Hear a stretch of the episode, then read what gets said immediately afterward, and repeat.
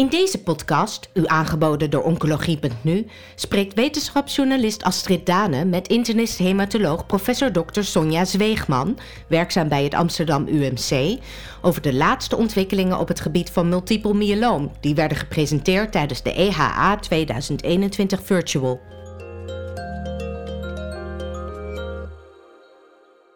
In deze podcast gaan we de highlights op het gebied van multiple myeloom bespreken. Die werden gepresenteerd tijdens de EHA 2021.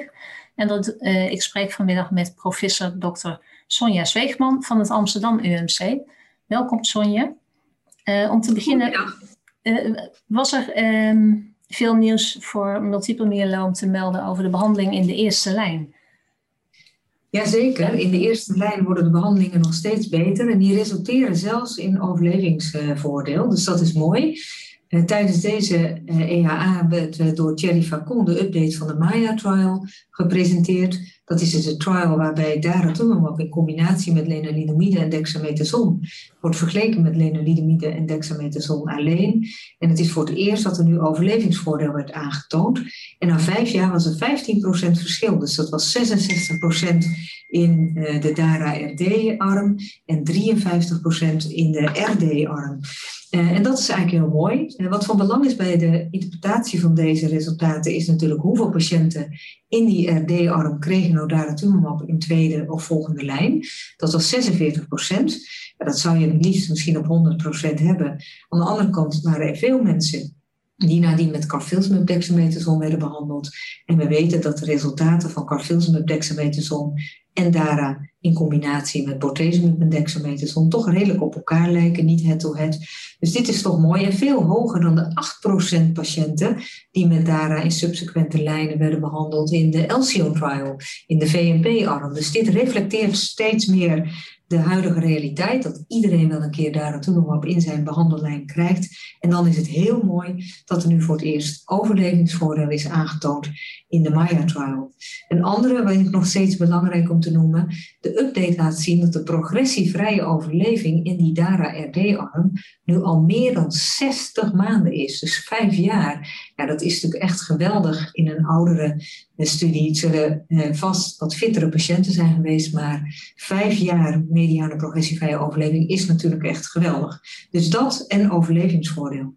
Nou, ook voor de jongeren waren er updates in eerste lijn. Uh, dat was, uh, ik zal maar zeggen, onze eigen Cassiopeia-trial. Die heeft natuurlijk ook in Nederland gelopen. En daar lieten ze nu voor het eerst de data zien van de onderhoudsbehandeling met daratumumab. Nog even in herinnering. Cassiopeia was dus inductietherapie met ofwel alleen maar VTD ofwel daratumumab in combinatie met bortezomib, thalidomide en dexamethason. Vervolgens werd er een hoge dosis melphalan gegeven en consolidatietherapie. En de tweede randomisatie bestond uit ofwel daratumumab ofwel geen onderhoudsbehandeling. Dat is natuurlijk anders dan wij nu gewend zijn. Hè. Nu zou lenalidomide onderhoud de standaard zijn, maar dat was ten tijde van de ontwikkeling van deze studie nog uh, niet. Nou, wat bleek nou? Daar toen wat onderhoudsbehandeling versus nee, versus geen onderhoudsbehandeling, dat zal u niet verbazen. Ook dat liet weer een verbetering zien in de progressievrije overleving. Uh, op twee jaar was nog 85% in de daratumumab-arm progressievrij en 75% in de placebo-arm, of niet placebo, in de geen onderhoudsbehandeling. Dus een hazard ratio van 0,53. En dat bleek ook zo in de hoogrisicopatiënten te zijn, dus dat is mooi. Dus één belangrijke bevinding in deze trial. Het bleek dat het alleen werd gezien in die patiënten die inductietherapie hadden gekregen met VTD. Dus niet bij de patiënten die daar een VTD hadden gekregen. En dat zou dus betekenen dat je wellicht uitkomt met alleen daratumumab in de inductietherapie en de consolidatie en dat je dan geen daratumumab meer nodig hebt in de onderhoudstherapie. Nou, dat zou natuurlijk eigenlijk heel mooi zijn, want dat geeft je weer de mogelijkheid wellicht tot daratumumabbehandeling in tweede of subsequente lijnen. Maar dat was een belangrijke uh, bevinding. Um, ja, dat is eigenlijk over deze studie. En natuurlijk is het ook de opmaat denk ik naar de studies die nu gaande zijn, waarin wat onderhoudsbehandeling wordt eh, gecombineerd met lenalidomide. En dat is misschien toch wel weer beter dan lenalidomide alleen. En daar zullen we nog op moeten wachten. Nog één klein ding over de hoog risico in eerste lijn. Ja, ik, ik toon u nu enorm mooie resultaten over de eerste lijn, maar we weten allemaal uit de dagelijkse praktijk dat er ook patiënten zijn die hele snelle recidieven hebben, de hoogrisicopatiënten. En er komt eigenlijk een nieuw concept en dat is de ultra-hoogrisicopatiënten. Dat zijn de patiënten die eigenlijk een dubbel hitfenomeen hebben. Die hebben niet één cytogenetische afwijking, maar twee. Of ze hebben bijvoorbeeld een cytogenetische afwijking en dan uh, een genexpressieprofilering met een hoog risico. Dus de SKY92, ook van Nederlandse bodem. Als je die combinatie hebt, heb je een ultra hoog risico. En die patiënten hebben eigenlijk, de jonge patiënten, een mediane progressievrije overleving die korter is dan twee jaar. Nou, voor die patiënten willen we natuurlijk ook de uitkomst verbeteren. Er waren een paar studies die specifiek voor deze patiënten zijn ontwikkeld. Uh, dat uh, was de uh, Optimum Trial uit Engeland.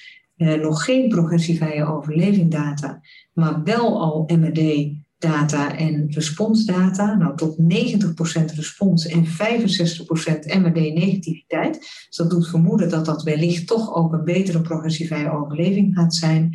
En de Forte Trial van Francesca Gai van de Italianen, die is niet specifiek ontwikkeld voor hoog risico, maar die hebben subanalyse gedaan voor de patiënten met hoog risico en ultra hoog risico.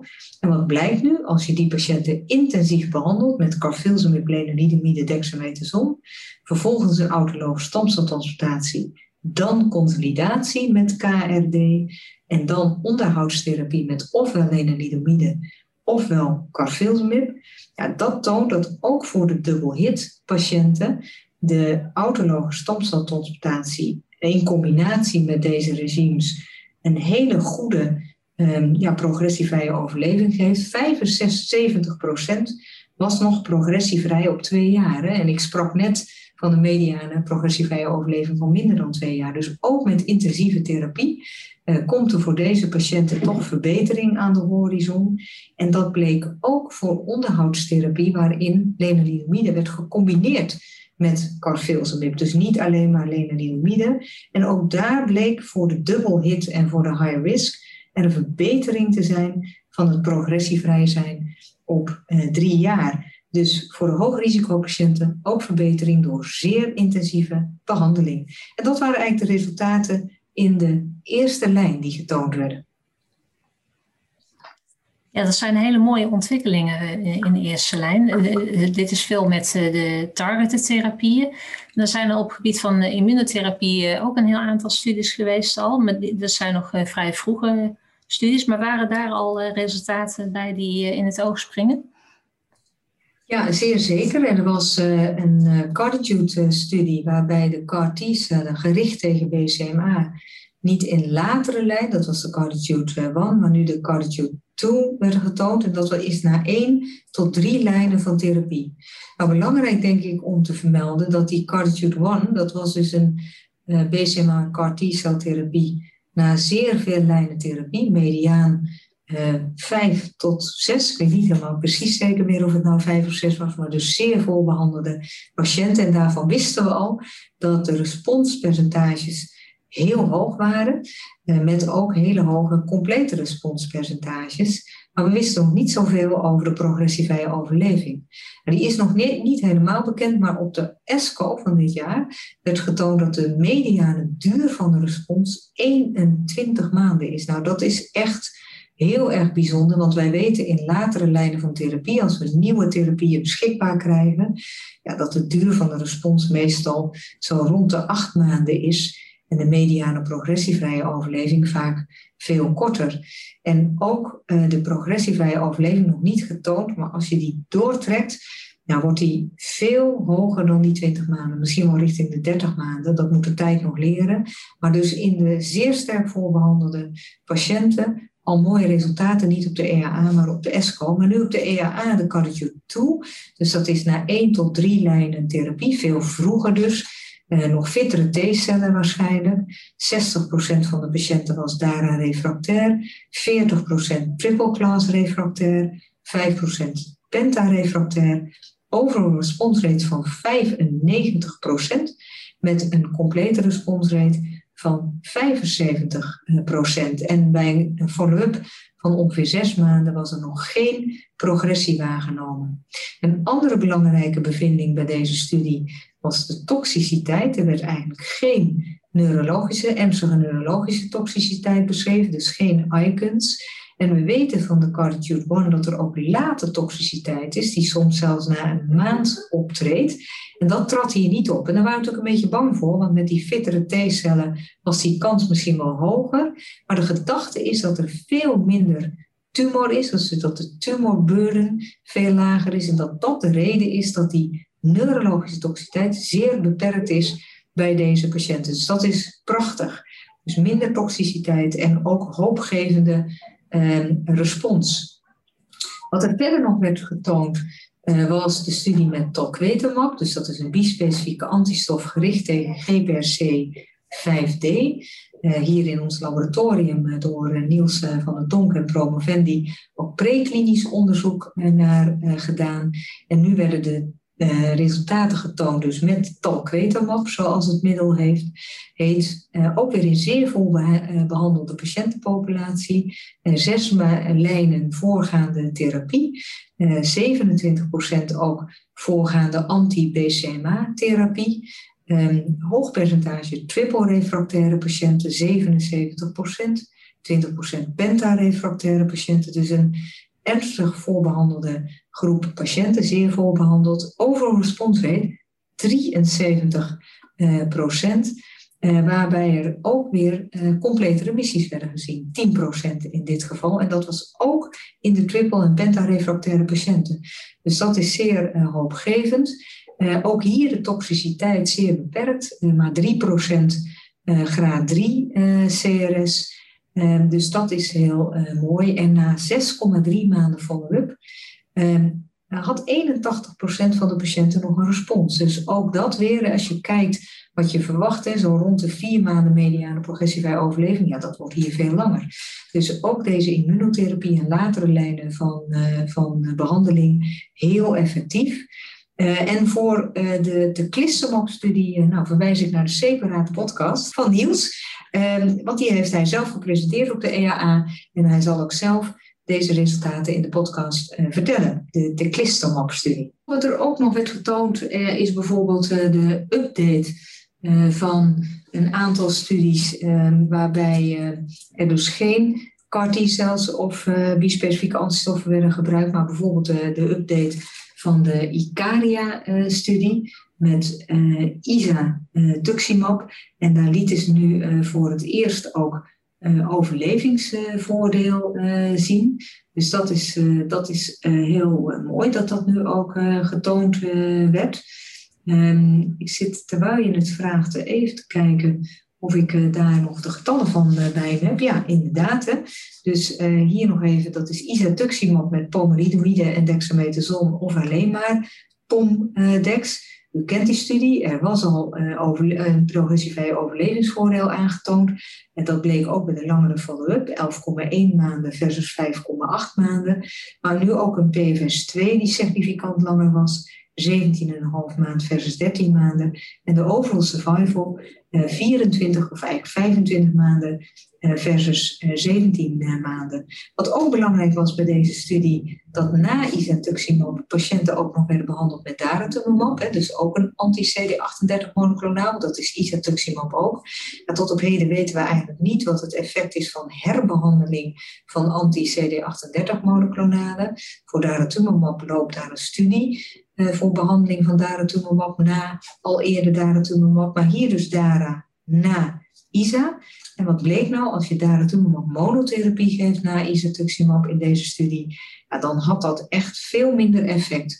Dus um, als je daratumumab gaf na ISA-PD, ja, dan was de mediane progressievrije overleving slechts 2,2 maanden, terwijl dat 5,1 maanden was in de POMDEX. Dus dat suggereert toch dat in de direct aansluitende lijn er geen effect gaat zijn van anti-CD38 monoclonalen.